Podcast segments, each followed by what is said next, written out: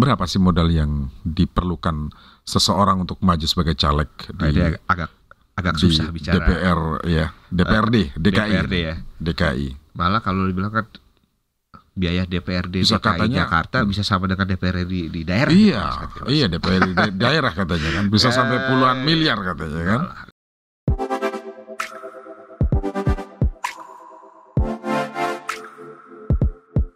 Halo pendengar dan netizen Radio El Sinta di mana pun Anda berada, tamu kita kali ini adalah politisi muda, ya, politisi muda dari Partai Nasdem yang pada pemilu kali ini siap bertarung merebut hati suara rakyat di Jakarta. Di Jakarta Dapil 6. 6. Dapil 6 di Jakarta Timur meliputi apa saja? Apa yang menarik dari sosok narasumber kita kali ini? Saya akan sapa Mas Raden Gusti Arif Yu Live. Lifar. Ah, Saya sapa Mas Arif. Saya panggilnya Mas Arif, Mas Gusti. Gusti aja, Mas. Mas Gusti. Siap, Mas. Mas Gusti. Memang nama bekenya Mas Gusti ya? Iya, udah udah terngiang-ngiangnya terpatennya Mas Gusti. Gusti. Kalau. Raden tipis kupis. Mas Gusti, terima kasih sudah hadir di uh, studio podcast Radio El Sinta. Sama-sama Mas, terima kasih. Besok-besok sering ke sini lagi. Kita Mas siap Gusti, diundang ya. terus.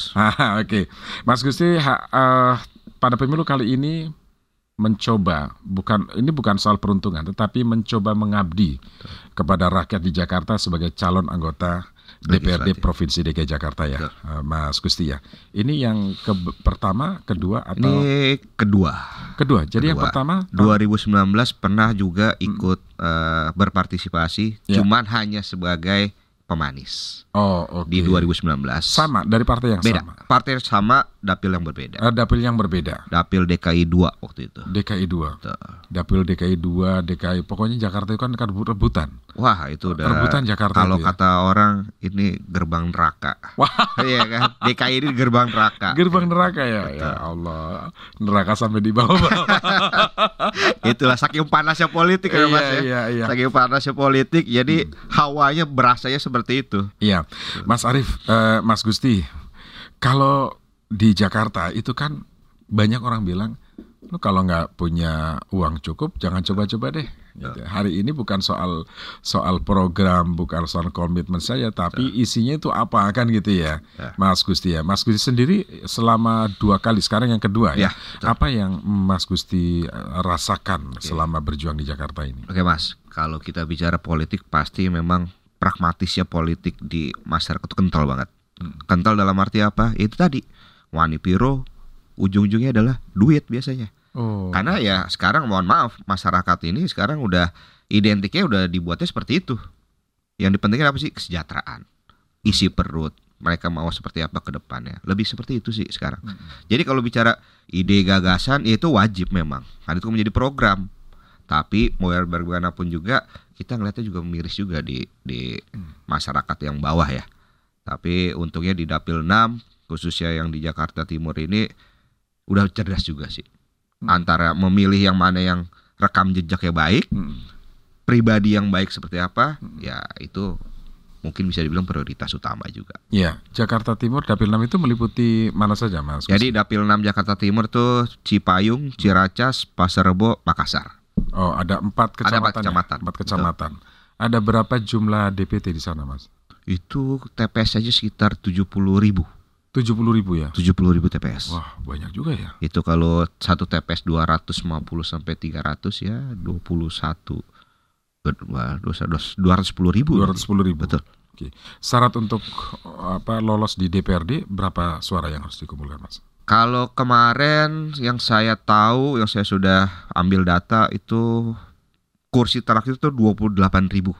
28 ribu. Iya. 28 ribu untuk bisa dapat satu kursi. Saya lagi coba hitung-hitung. Kalau 28 ribu kali 100 ribu Ya, misalnya. aduh. ini udah tembakannya udah hari akhir ini ya Mas ya. itu bahaya itu. Iya kan kan begini ya. Eh, Dalam politik kan kita juga nggak polos-polos Betul, amat begitu ya, betul, Mas betul, Gusti ya. Karena seorang politisi kan harus siap dalam kondisi apa pun. Wah, harus Kadang- siap mental, siap kantong.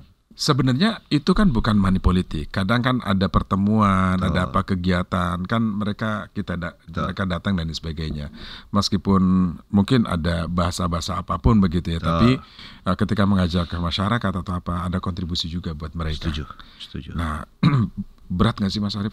Lumayan mas, Lumayan ya. lumayan. Ini berat dalam arti mental, kantong atau apa? Iya, Gitu semua- semuanya ya. Semuanya lah. Sama- karena kalau politisi kan bukan hanya kantong, Wah, ya mental. mental nomor satu. Ya itu tadi mas. Itu ya. Seperti pembicaraan sebelum kita mulai kan, Heeh. ada yang ke rumah sakit jiwa kan kalau nggak Oh. jadi kan gitu kan.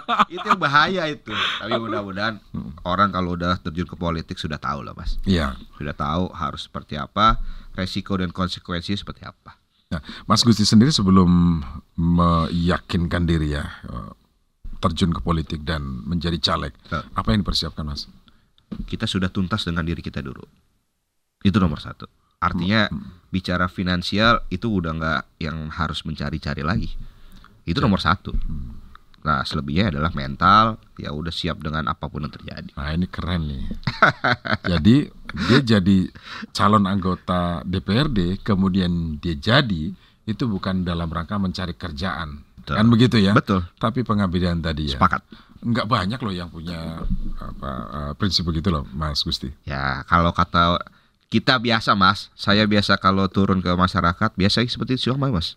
Ini jangan-jangan karena cuma caleg doang nih, janji-janji doang. Iya, jangan sampai kayak pilkada, sekarang dicari-cari. Nanti kayak kalau udah jadi kayak pilkabe, ya kan? Kalau jadi dilupain, gitu loh. Jadi yang mudah-mudahan ini saya sendiri sebagai politisi muda, caleg muda juga mas, umur masih 36 tahun. Jadi ya bagaimana caranya kita mau coba ngerubah sistem juga mas. Jangan sampai kita bicaranya ya how to kita untuk menjalankan sesuatu untuk di parlemen itu dengan cara-cara buruk juga. Hmm. Makanya nomor satu yang terpenting ya kita siap dengan diri kita dulu.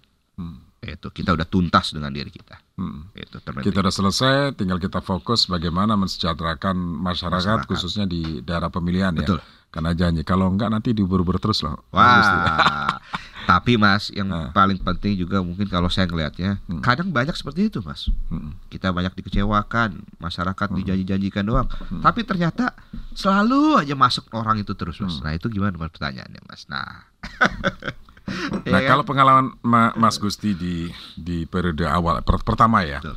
itu apa yang menyebabkan? Apakah dia bermain di level-level tertentu? Atau? ya politik kita bicara seperti ya kalau pasangan presiden kita nih Mas ya kan selalu menganalogikannya dengan pertandingan sepak bola. Hmm. Jadi pasti yang namanya kecurangan ya akan ada aja. Cuman kita nggak tahu, nggak mau seuzon sama siapa pun itu. Iya. Gitu. Jadi wasitnya harus adil gitu ya. Wasitnya harus adil, jangan juga Langsung aja, langsung aja deh. juga ke lapangan kan. gitu ya. kan. Wah, Gitu. ini yang repot kalau penontonnya juga ikut bermain di lapangan. Nah, itu. Bisa repot. Itu. Oke. Jadi yang ditawarkan Mas Gusti apa untuk masyarakat Jakarta? Simpel mas. Apa itu? Kalau saya bagaimana kesejahteraan mereka bisa lebih baik. Itu aja. Caranya bagaimana? Caranya itu dia mas. Ada kalau kita menjadi anggota dewan kalau sudah jadi itu ada dana-dana yang memang dikhususkan untuk mereka. Oh, oke. Dan aspirasi. Dana aspirasi apa pun dana reses lah kita nyebutnya per Iya, tiga iya. bulan. Itu nggak banyak anggota dewan yang me- apa namanya memberikan itu kepada masyarakat Oh. langsung. Begitu tidak dapat dana reses, belanja ke Singapura itu Nah, ya. itu dia. Kita diwakilin mas. Masyarakat diwakilkan oleh si anggota dewan. Benar mas. Iya, Pak. Kita yang mau beli mobil, anggota dewan yang beli Yang mobil beli ya kan. Kita mau beli rumah, anggota dewan yang mau beli rumah. Iya, iya, Tapi jangan mudah-mudahan sih, insya Allah itu nggak semua lah. Iya, iya, masih ada lah yang punya hati nurani lah ya. Masih ada, masih masih masih, ada. yang bisa pegang janji gitu masih ya. ada komitmen. Komitmen Komitmen. gitu ya. Betul. Nah, eh, sebagai orang muda ya, sekarang kan kalau bicara orang muda bukan lagi minoritas, Betul. Mayoritas. Sebetulnya ini peluang untuk untuk Mas Gusti dan eh, politisi-politisi muda lainnya. Bertarungnya dengan gagasan konsep itu seperti apa nanti dengan kan banyak juga nih caleg-caleg muda yang Betul, juga, betul. Mas Gusti. Memang sekarang nih pemilu sekarang 53 persen mas. Itu isinya eh, anak-anak Gen Z Hmm. sama milenial. Artinya dari 10 pemilih 6 di antaranya itu anak muda. Nah, kalau saya pribadi lebih gampang karena saya sebagai pelaku juga sebagai yang masih muda kita ngajaknya dengan cara ya diskusi dengan apa yang kita bicara kreativitasnya mau seperti apa kita lakukan langsung. Jadi artinya sebelum kita jadi itu sudah kita lakukan bersama. Artinya kalau anak muda tuh pengennya lebih dilibatkan. Oh. Itu aja. Karena mereka bicara gagasan, ide mungkin nggak semuanya bisa menangkap itu. Hmm. Tapi kalau kita buktikan dengan apa yang kita kerjakan langsung saat itu, apa yang mereka mau kita kerjain, insya Allah itu menarik perhatian mereka. Dan mereka pengen belajar tentang politik. Saatnya yang muda bicara dan berkiprah gitu ya, Betul, betul. diberi kepercayaan. Tapi gitu tetap ya. berproses mas ya. Oh iya dong, nggak ada yang instan, semuanya nggak ada instan. Yang Nah, instan cuma ngomong- mie instan mas. Ngomong-ngomong soal proses ya, Mas Gusti, saya ingin tahu proses Mas Gusti eh, melakukan pendekatan, memperkenalkan diri ke dapil itu bagaimana? Apakah eh, ketika baru-baru saja atau sudah lama dirancang, sudah Ya. lama dilakukan pendekatan? Alhamdulillah saya basicnya memang senang organisasi satu, kedua memang mungkin bilang aktivis lah mas ya, Hmm. aktivis. Jadi sedari muda sejak aktivis memang sudah ada ya sel-sel lah kita bicara, ada jaringan. Oh, Dari jaringan itu saya buka dan akhirnya terbentuklah tim. Nah dari tim baru mengerucut ke bawah yang akhirnya bisa dari tingkat RT ke RW kita bisa berkolaborasi bersama. Jadi kalau proses memang nggak cuman yang sebulan dua bulan mas, Hmm. kita jauh hari tapi memang khusus untuk di dapil 6 memang saya buta. Hmm. Jadi saya bergerak itu udah hampir se 10 bulan hari sampai hari ini mas. Mhm. Jadi itu persiapan yang memang harus benar-benar capek secara fisik, apalagi secara finansial.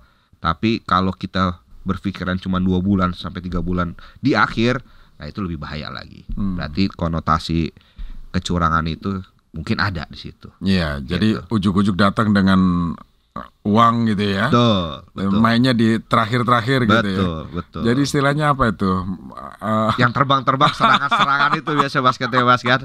Tapi gini, eh, Mas Gusti kan juga punya tanggung jawab eh, sosial, tanggung jawab moral mengedukasi masyarakat dong, khususnya di dapil. Dalam eh, elektoral itu eh, pemilihan atau apa pun itu kan nggak semata soal uang, tetapi bagaimana memperjuangkan aspirasi Betul. saya misalnya. Saya percayakan ke Mas Gusti misalnya. Betul. Kan itu kan kontraknya jelas. Kontraknya adalah begitu jadi ya coba perjuangkan aspirasinya. Betul, Ini akan su- eh, apa ya? Kira-kira apakah ada kendala untuk me- me- meyakinkan itu ke masyarakat? Ya kendala paling utama itu tadi mas, karena sudah sering dijanji-janjikan, Oh. karena sering dibuat kecewa, jadi trauma itu pasti ada terus. Ini yang paling susah, Hmm. paling susah dalam arti kita harus selalu mengedukasi itu nomor satu pentingnya politik ya harus kita sampaikan. Kedua bagaimana ya jejak-jejak rekam yang saya udah lakukan Hmm. itu saya buktikan juga bahwa saya sudah pernah berbuat ini loh. Mana buktinya pak? Kita tunjukin. Artinya bukan menjadi seorang politikus ya, Hmm. artinya menjadi basic karena saya memperkenalkan diri saya sebagai pengusaha muda, aktivis muda, Hmm. apa yang sudah saya kerjakan ya saya sampaikan dan itu menjadi pembuktian dan alhamdulillah Hmm. sampai hari ini yang menjadi konstituen yang akan memilih saya itu pelan-pelan terbuka Hmm. itu paling penting karena itu nomor satu itu namanya trauma mas gimana mas ya kan Iya. anak muda kalau trauma sama pacar aja pasti putus bisa belum bisa move on nah seperti itu kan Iya, sama iya, dengan masyarakat kalau belum bisa move on Hmm. susah ini karena Ini. selalu dijanji-janjikan Nah, strateginya bagaimana tuh mengambil hati mereka yang tersakiti? ya itu pasti ngambilnya kita bicara trust kepercayaan Uh-huh. kita ngambil hati mereka masing-masing Hmm. ya kalau perlu yang memang nggak siap kita hitam di atas putih komitmen bahwa sampai saya sampai melakukan itu. siap kita siap artinya komitmen bukan bicara kita money politik Iya. atau bersifat uang ya Realisasikan program kalau Betul. terpilih gitu maksudnya. artinya kalau saya terpilih komitmen apa di lingkungan apa yang menjadi kebutuhan lingkungan Hmm. yaitu menjadi satu tanggung jawab saya Oke. itu saya siap Iya, artinya eh, komitmen ini penting ya. Betul. Kita mencoba membangun trust Betul. ke masyarakat. Betul. Nah, eh, apalagi yang ditawarkan Mas Gusti kepada eh, masyarakat di Dapil ya berkaitan dengan kebutuhan mereka, aspirasi mereka. ya pasti nomor satu ya Kesehatan, pendidikan kesehatan atau apa? pendidikan eh, sama paling penting lapangan pekerjaan mas Lapangan pekerjaan. ya? lapangan pekerjaan itu banyak ibu-ibu Pak Dewan kalau memang udah jadi bisa nggak kita Udah dipanggil Pak Dewan itu ya. udah Wah, berarti udah amin itu doa Ya, itu ya. amin. Oh, amin, juga doa, ya. kan. Karena kita juru bicara timnas juga kan harus kita amin. Gitu. Tapi artinya karena saya juga pribadi sebagai juru bicara timnas amin mas. Mm-mm. Jadi ada bicara visi dan misi kita mau coba kolaborasikan. Oke. Gitu. Kalau di bawah paling penting itu adalah satu kesejahteraan, kedua kesehatan, Mm-mm. ketiga lapangan pekerjaan. Lapangan pekerjaan Betul. itu penting banget Penting itu ya. banget. Dan selalu ditanya tentang komitmen tiga ini. Mm-mm. Gitu. Kalau masalah pendidikan sekarang mungkin mohon maaf Mm. Karena mungkin sudah dibuat ya enak nggak enak lah ya bahasanya mas. Ya udah secara nggak langsung mereka udah kerja aja yang penting dapat duit. Tapi padahal pendidikan itu kan syarat utama penting juga. Mm-mm. gitu makanya saat ini mas saya sebelum menjadi anggota dewan saya sudah membuka sekolah paket ABC juga gratis Sekolah paket ABC. Sekolah apa itu, Mas? sekolah kejar paket Kejar paket. betul Jadi mereka yang belum dapat ijazah atau apa? betul putus sekolah entah yang Sekarang. umur 50 60 tahun kan yang masih pengen belajar pengen punya ijazah kita ada Siap di, dibuatkan juga. dibuat Di dapil atau di di dapil kebetulan memang di di dapil, dapil ya? Ada berapa eh, tempat? sekarang Kan ada empat kecamatan nih. Betul. Nanti kalau cuma satu kecamatan di satu kecamatan yang lain, memang Gimana? untuk saat ini cuma satu oh jadi bertahap. bertahap saat ini cuma satu cuman ada di posko Hmm. dan itu sampai hari ini itu sekitar 120 gitu dan pesertanya. peserta dan umur paling paling usia paling lanjut tuh 45 tahun ada 45 tahun. ibu-ibu gitu. dan lainnya kayak PPSU Iya, itu iya, kan iya. belum punya sertifikat ijazah kita bukan bukan bicara sertifikat ijazah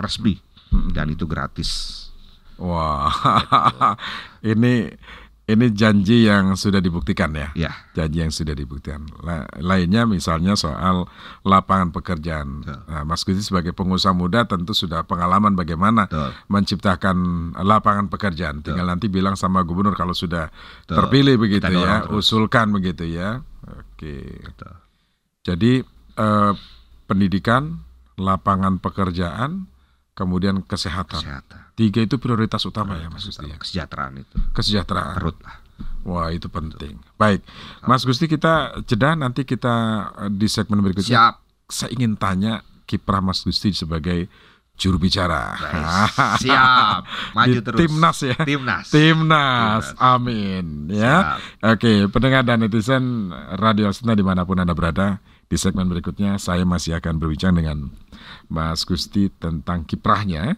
di Timnas Amin. Amin itu bukan doa mengaminkan, tetapi Anies. Anies Muhaimin. Tetaplah bersama kami.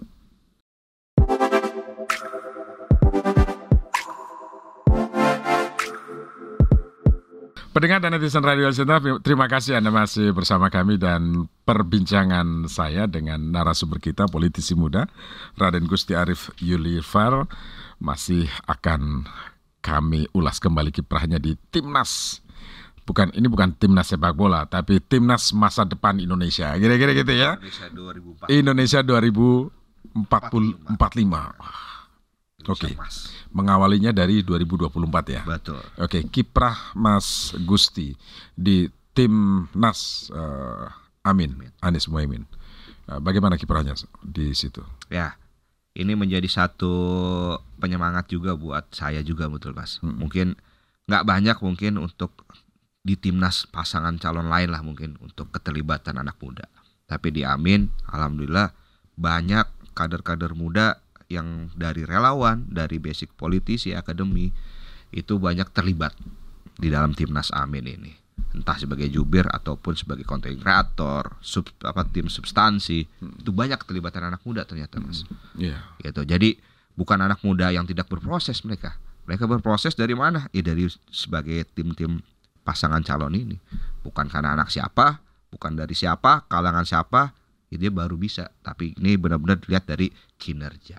Mm-mm. Nah itu alhamdulillah hari ini keterlibatan saya sebagai juru bicara ya sebagai representasi pasangan itu Mm-mm. paling penting itu. Tugas sebagai juru bicara apa saja di situ? Kan banyak nih juru Pasti. bicaranya. Nah, kalau Mas Gusti ini eh, di bidang apa? Biasanya kan ada pembagian gitu. Oke, kalau saya sih mungkin lebih ke anak muda khusus ya, Mm-mm. juru bicara muda untuk timnas Amin. Mungkin lebih sifatnya untuk ke generasi Z, generasi milenial, Hmm. biar bagaimana caranya amplifier untuk visi misi Amin sendiri bisa tersampaikan kepada mereka. Mm-mm. Dan bukan hanya sekedar penggiringan opini, Mas, atau cuman diberikan gimmick-gimmick semata Mm-mm. tanpa ide dan gagasan. Kita di tim timnas Amin tidak diperbolehkan. Jadi kita harus berbicara mengenai data, fakta, dan apa kinerja kita ke depan nanti. Mm. Jadi Tentu jejak. sudah sudah bisa menganalisis ya, misalnya apa kekurangan dan kelebihannya, apa yang bisa disampaikan. Karena pasti ketika bicara bagaimana meyakinkan orang, ada juga yang eh, belum bisa diyakinkan karena pengaruh atau dia punya eh, apa eh, informasi yang cukup misalnya. Nah, bagaimana meyakinkan itu? Nah, kita turunnya saya pribadi Iya, sudah buat saya punya relawan juga mas relawan muda relawan muda. Ini yang untuk Itu pemenangan atau yang untuk tim pemenangan pencalekan? Amis Oh, timnas oke. Amin jadi kita Oke. punya relawan namanya Abas anak bangsa Anak bangsa. anak Oh, bangsa itu kita punya program itu sebagai jubir tongkrongan Jubir tongkrongan. Tongkrongan. Jadi mereka nyebar di tongkrongan-tongkrongan. Wah. gitu. Jadi gimana caranya kita udah langsung infiltrasinya kepada mereka-mereka anak muda ya cuman 10 orang, 15 orang ke warkop, warung kopi yang memang disukain sekarang kan anak-anak Mas. Di tempat-tempat tertentu yang tongkrongan-tongkrongan mereka. Langsung kita diskusi. Oke. Itu lebih tepat, lebih enak diskusi ada ya anak muda sekarang kan mungkin ngeliatnya dari media doang nih Mas. Mm-mm. Media yang kita belum tentu bisa bilang itu 100% tepat Mm-mm. kita ajak diskusi siapa sih pilihannya Hmm. yuk kita debat dalam arti kita buka pikiran Hmm. alasannya apa kita punya alasan ini akhirnya jadi mereka terbuka mas Mm. dan hampir mungkin bisa dibilang hampir dari ya 100% kita bicara 60% yang tadinya masih undecided voters ya kan Mhm. akhirnya bisa berbalik ke Oh. oh, ternyata seperti ini Oke. ternyata oh gini gitu itu anak muda seperti itu mas mereka Iya. pengen curiosnya penasaran tuh pengen harus kita benar-benar kita samperin mereka Katanya nih anak muda juga banyak yang eh, terlibat untuk ba- sebagai basar-basar menyebarkan. Kalau di Amin sendiri bagaimana? nggak ada Nggak ada. nggak ada Nggak pakai basar. kita benar-benar organik Yakin nggak pakai basar? yakin Wah. bisa dicek mas dari Iya. kita punya pasangan calon yang ada nih mas ya Hmm. Dari ketiga nih kita bicara siapa yang nominal kekayaannya paling rendah kan gitu Ya itu kan bukan jadi ukuran, mas. Wah, ukuran mas Misalnya gini, saya pengusaha, betul saya akan main tiga kaki misalnya. Oh ya pasti itu Gitu pasti pasti. Eh. Tapi kita juga harus melihat juga kan yang mana yang backup backupnya itu udah pasti Hmm. ke mana. Oh. oke. Apalagi kita kan bicara kan di luar dari tiga ini kan kita mungkin bisa dibilang kan kita yang terkucil kan. Hmm. Siapa sih yang mau speak up? Siapa yang berani? Nah itu pertanyaannya. Ini tantangan juga ya anak-anak muda Tantangan ya. juga. Makanya jubir tongkrongan itu sangat penting. Gitu. Oke. Itu buat aktivasi. Kalau jubir tongkrongan ini dari mana? Anak-anak kampus atau? Semua mas. Semua. Anak kampus, pelajar SMA kelas 3 Hmm. anak-anak mungkin yang bisa dibilang ya anak-anak kampung yang mungkin Hmm, hmm, secara pengalaman organisasi nggak ada media mungkin nggak kenal yang lebih dekat nah itu penting banget itu sekarang apalagi kan tawuran-tawuran itu kita masuk lewat situ Oh. lewat situ kita benar-benar ini loh ini loh ini loh visinya kalian mau seperti apa ke depan gini gini kita serap aspirasi mereka Oke. Hari ini tantangan anak muda apa sih menurut Mas Gusti? tantangan anak muda Iya, ya pasti lapangan pekerjaan nomor satu lapangan pekerjaan, lapangan pekerjaan dan pendidikan pendidikan. pendidikan Itu yang pasti ditagih ke mereka dong ya. Betul, betul. Nah, sekali sama untuk sekarang bicara sisi kreativitas itu. Ekonomi kreatif. Ekonomi kreatif. Apa yang dijanjikan untuk aanak-anak muda nih dengan ada. ekonomi kita, kreatif kita nggak pernah menjanjikan hal yang kita bicara mustahil. Kita bicaranya secara real Hmm. Indonesia ke depan tuh mau seperti apa? Karena mereka ini sebagai nanti pelaku di 2045. Hmm. Karena mereka jenjang-jenjang sekarang masa-masa mereka ini sangat penting kalau nggak diarahkan kita tidak kasih pengalaman pekerjaan, pengetahuan pekerjaan, ilmu yang bermanfaat. 2045 mereka nggak akan jadi apa-apa. Itu doang yang kita bicarakan.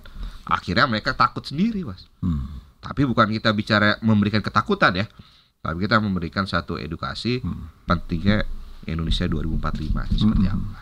Menjaga bonus demografi kita agar eh, bisa menjadikan Indonesia kuat ini mulai dimulai dari sekarang ya. Artinya Wajib. harus lebih lebih intens melakukan pendekatan ke mereka ya.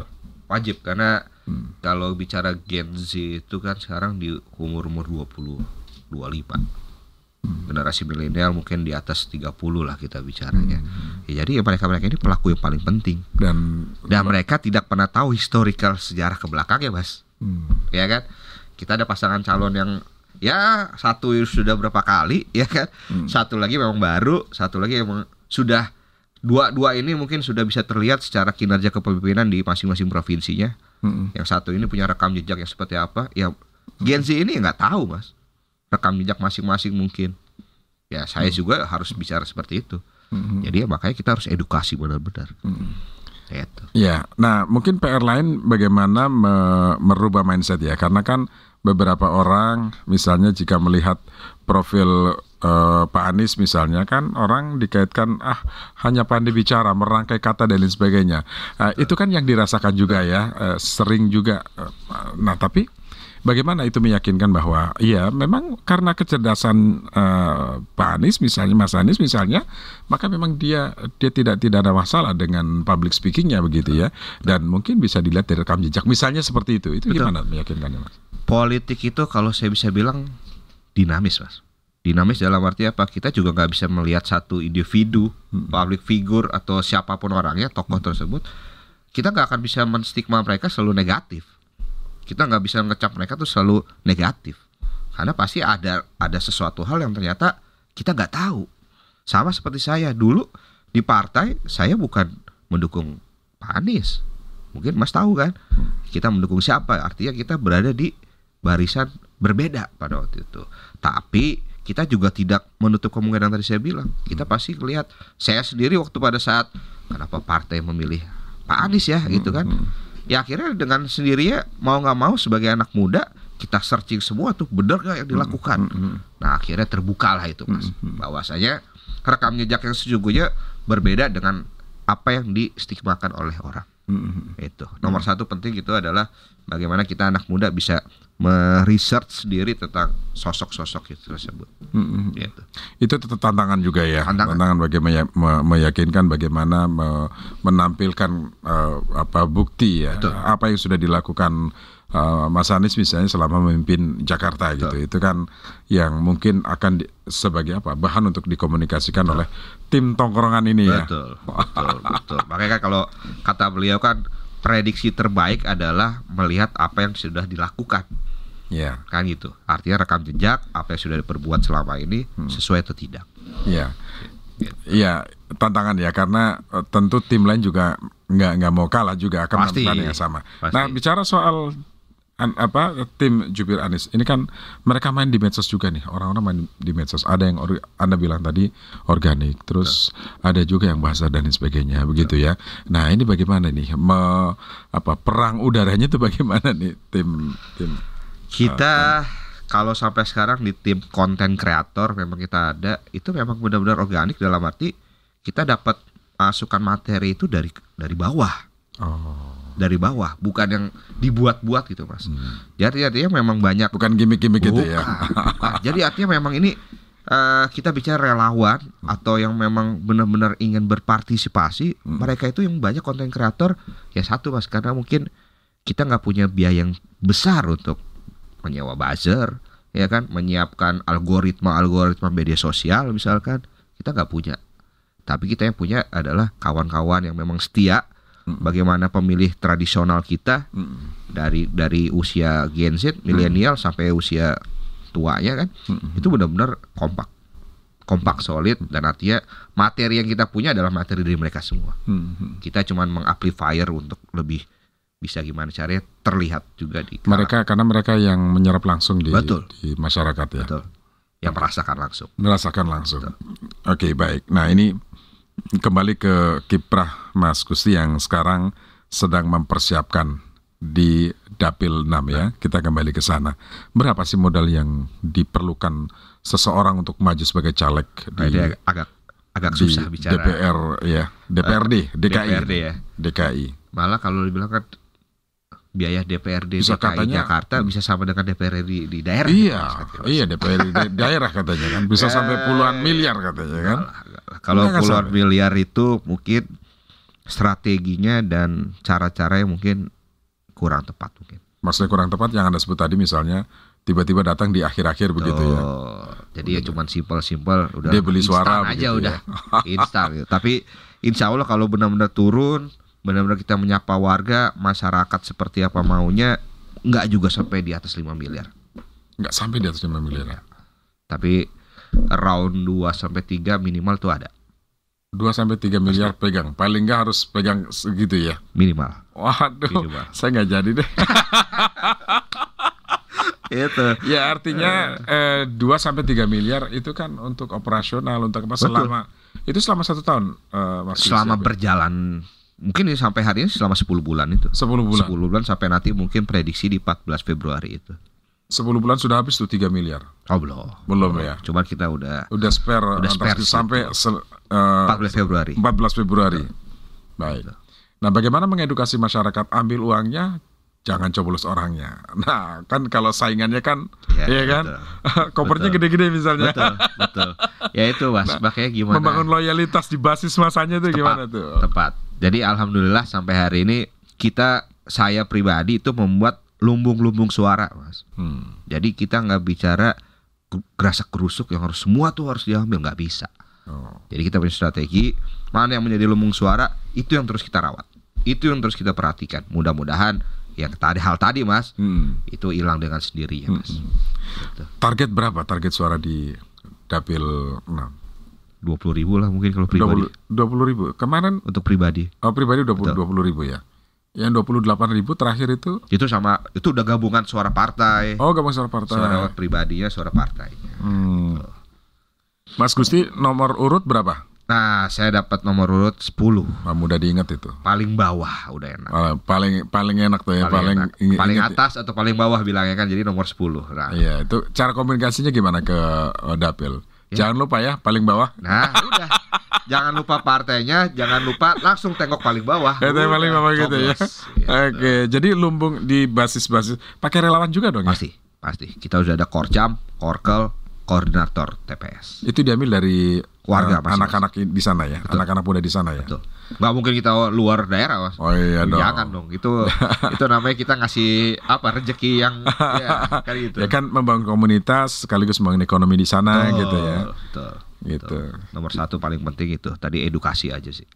Nah, apa kesulitan lain, mungkin kendala lain membangun soliditas itu apa, Mas? Karena kan tadi banyak juga caleg-caleg lain yang mungkin kantongnya juga lebih lebih Betul, tebal gitu. Betul. Ya membangun paling penting adalah gimana caranya kita dapatin hati mereka tuh ya kita anggap mereka sebagai siapa teman keluarga artinya dalam kita bersosialisasi berkegiatan yang kita anggap mereka itu sebagai keluarga sebagai teman ya perlakukan seperti itu Hmm. bukan hanya sebagai seorang konstituen yang punya hak suara Hmm. tapi gimana caranya ya diajak ngobrol diajak ngopi kalau kita lagi santai. Akhirnya kan terbangun suasana itu mas. Hmm. akhirnya dengan sendiri ya ah nggak kenal sama yang si A.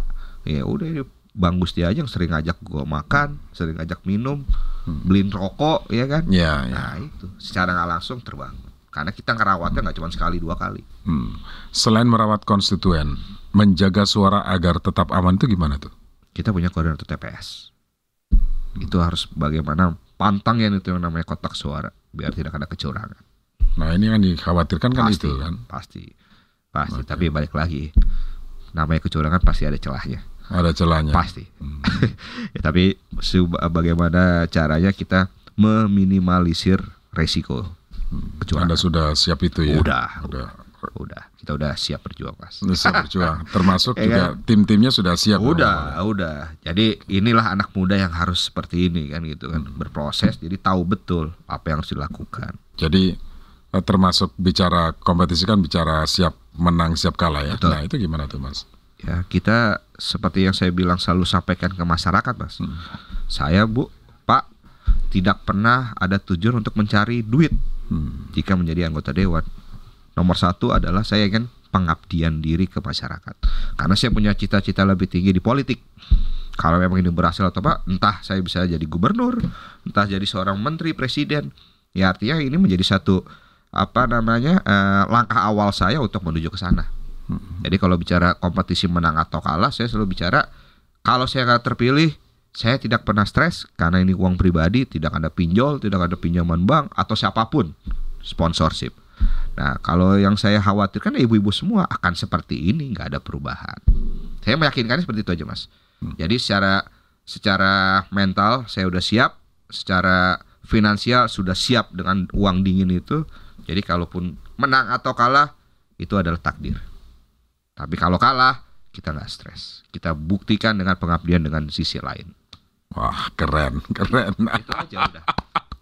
Ini baru caleg. Yes. Siap menang, siap kalah Siap menang, ya. siap kalah. Oke, Betul. baik karena kompetisi harus seperti itu ya. Kita me- me- apa bisa menerima asalkan wasitnya semuanya bisa fair itu ya. Yang penting itu ya. Paling penting lagi mas, kalau saya punya ide lebih lebih mainstream, kalau penyelenggara negara atau sistem politik kita baik, nggak ada boleh diperbolehkan ngasih sesuatu, itu malah lebih bagus lagi. Lebih bagus lagi ya. Ide gagasan itu. Iya, Jadi mudah nggak ada yang bicara kasih A ini tambah Ah. tiban lagi, kasih ini timbang, aduh, kasihan bisa. masyarakat. Kasihan masyarakat Kasihan betul masyarakat. betul betul. Baik.